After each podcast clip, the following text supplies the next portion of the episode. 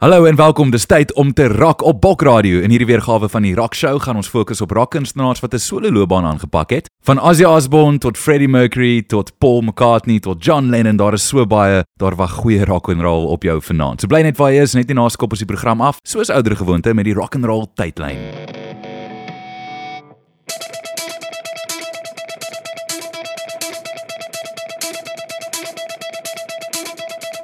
Jy mag jouself dalk vind in die middel van die dag op 'n parkiebank sit. En dan dink jy, hoe bekostig hierdie mense hier die Europese karre en palisale Toskaanse tronke? Jy mag dalk dink in 'n arm land is rykdom 'n skande. Maar iemand sal dit ryker as almal anders. Jy mag dalk dink, wat doen ek dat ek in die middel van die dag op 'n parkiebank kan sit? En dan raak ek bly, want wat is daar om te doen? Wie probeer ek beïndruk? En dan dink jy by jouself, ek gaan nie my hele lewe lank werk om eendag niks te kan doen nie. Ek sal sommer nou begin. Ons doen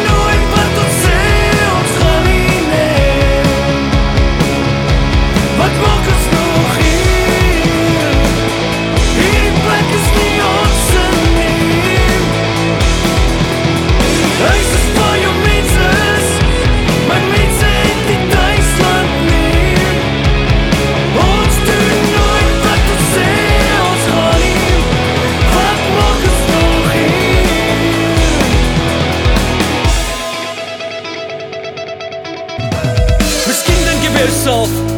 ek is 'n produk, ek is 'n bemarkingsveldtog, ek is 'n kommoditeit. Dis nie hoe ek my kinders wil grootmaak nie. Die middelklas 'n buffer en ons moet hier uit, want die honger mense bly nie lank honger nie. Die mal is het beheer van die malhuis geneem en kom alle nader aan die kluis. In die donker is die blinde een koning. Mag honger koning maak, mag honger volgelinge en die koning bly nie lank op sy troon nie. Ek lê op die gras en luister Lukas Maria. Ek vermoed die hart werk soos die weduwee se kruik. Haar hart is seer want haar man is dood en ek kan dit op my vingers stel wat vir my belangrik is. Ons doen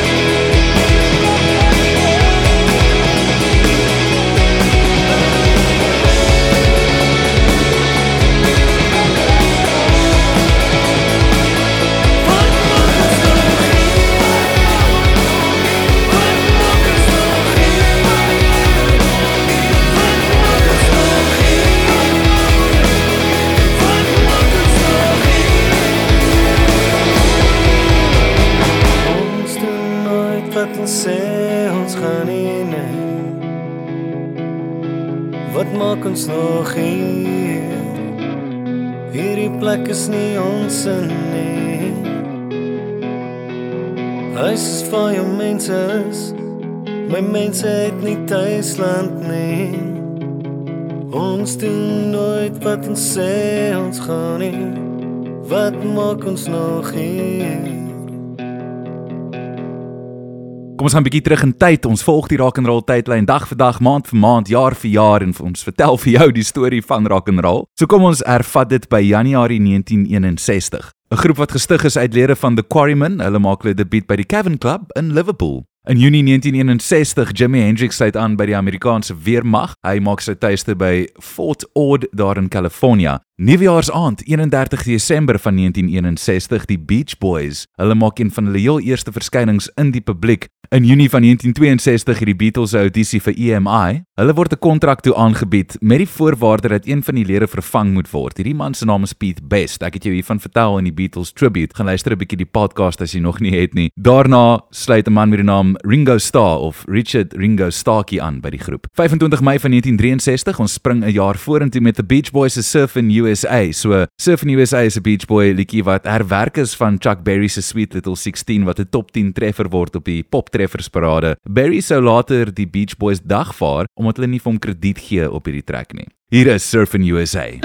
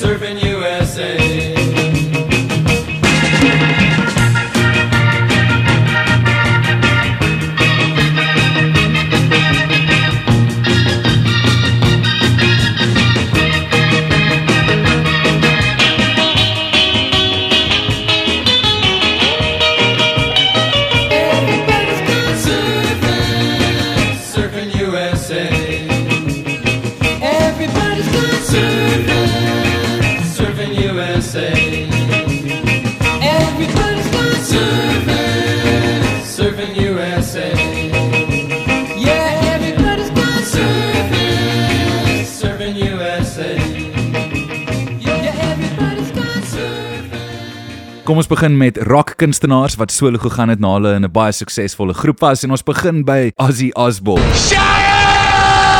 Hier is 'n rocker wat nog meer gewild geraak het toe hy 'n solo loopbaan aangepak het. Dit is die sanger van een van die eerste metalgroepe, Black Sabbath. Van radiotreffers soos Crazy Train tot 'n realiteitsprogram tot die jaarlikse Ozfest. Toe Black Sabbath in 1979 ateljee toe keer vir opnames, het dinge begin moeilik raak. Dit was na 'n toer wat kenners beskryf het as tired and uninspired. Veral met die jong Van Halen wat Black Sabbath op die toer ondersteun het en gereeld 'n beter konsert gelewer het as die headliners. Konflik tussen Ozzy en gitaarspeler Tony Iommi het begin ontstaan en op 27 April 1979 word Ozzy gevra om die groep te verlaat. Die rede was Ozzy se probleem met dwelms onder andere, nie dat die res van die groep regtig nie aan die dwelms geraak het nie. Na 'n paar moeilike maande vir Ozzy begin sy solo loopbaan amptelik einde 1979 met The Blizzard of Oz album. Met Lee Kerslake van Uriah Heep op die tromme, basgitaarspeler Bob Daisley van Rainbow en later Uriah Heep, Don Airy van Rainbow en later die Purple is op die klawerbord en gitaarmeester Randy Rhoads was Ozzy gereed om die wêreld weer aan te vat. Hier is Crazy Train. Everybody's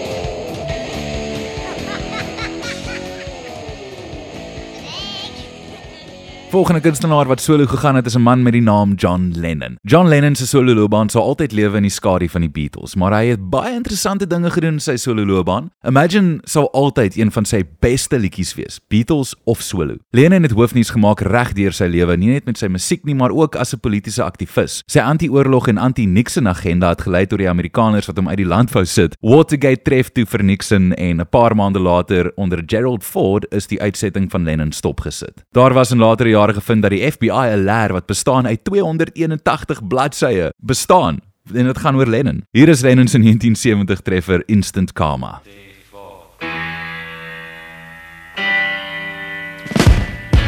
Some karma's gonna get you. Gonna knock you right on the head.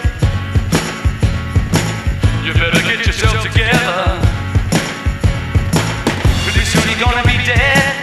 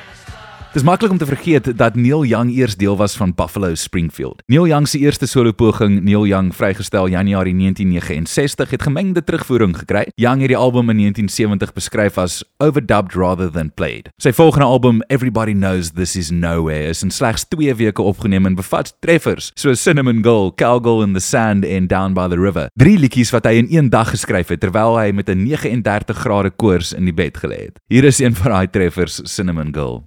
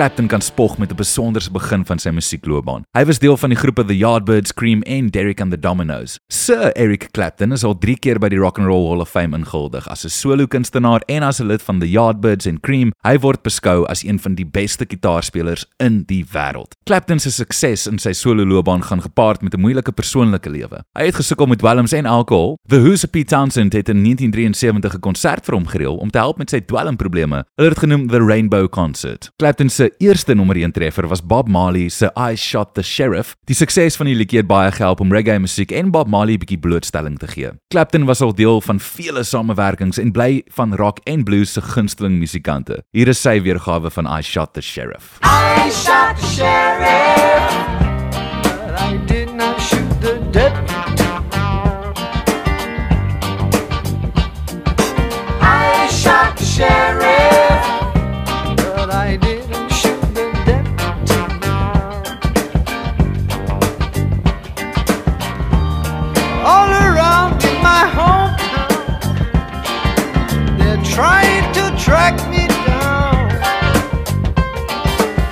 say they want to bring me in guilty for the killing of a deputy,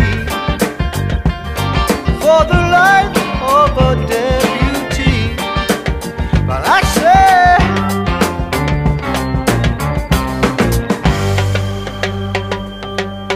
I shot the sheriff, but I swear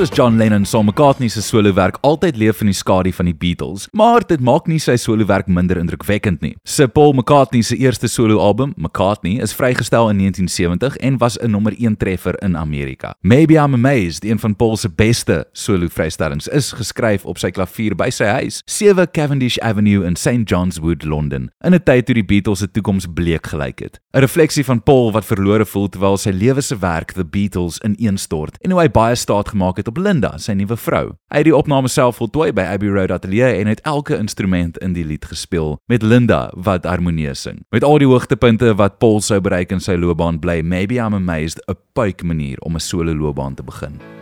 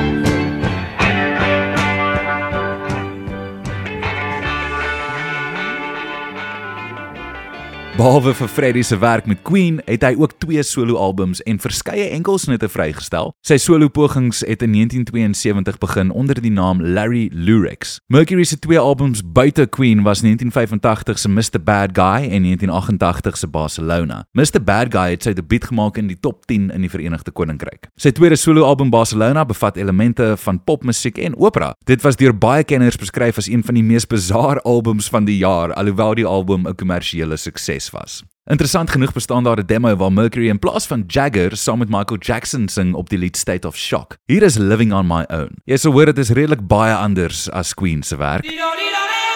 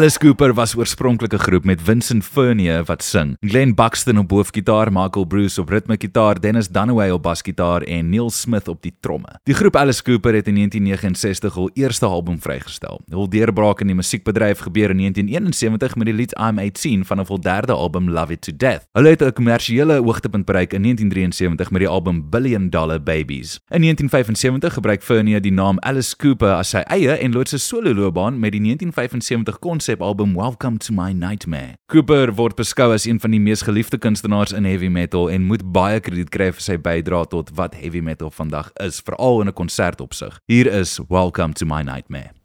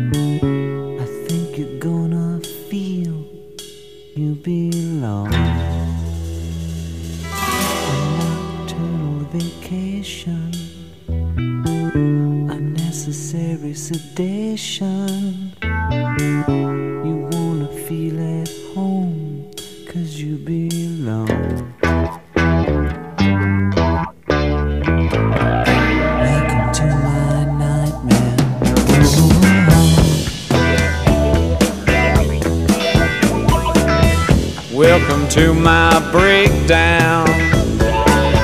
I hope I didn't scare you. That's just the way we are when we come down. We sweat and laugh and scream here. Cause life is just a dream here.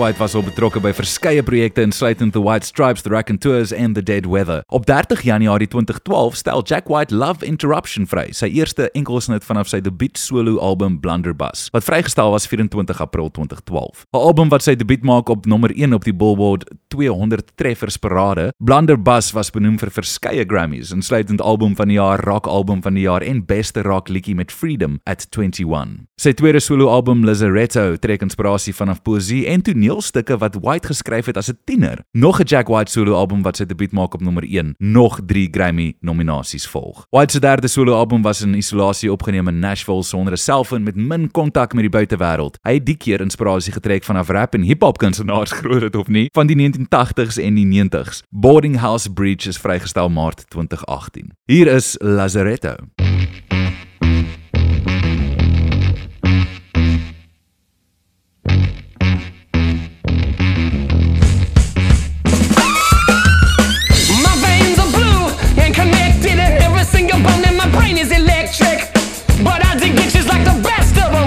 Your trouble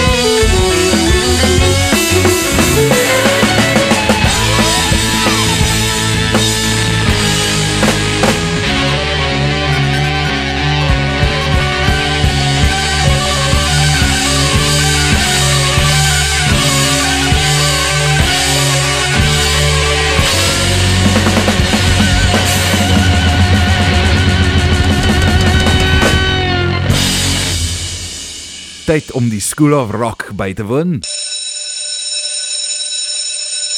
As jy daai klok hoor, weet jy, dis tyd vir my om vir jou 'n algemene kennisvraag te vra oor heavy metal of oor rock and roll, oor enigiets alternatief in die musiekbedryf. So hier kom vandag se vraag. Watter heavy metal gitaarspeler het op sy laaste dag as 'n sweiswerker die punte van twee van sy vingers verloor? Dis 'n baie gewilde storie dink ek in rock and roll, so dis dalk 'n maklike vraag. Ek gaan dit weer vra. Watter heavy metal gitaarspeler het op sy laaste dag as 'n sweiswerker die punte van twee van sy vingers verloor? Laat weet vir my. As jy nou regstreeks luister na 074 2000 989. Thank you.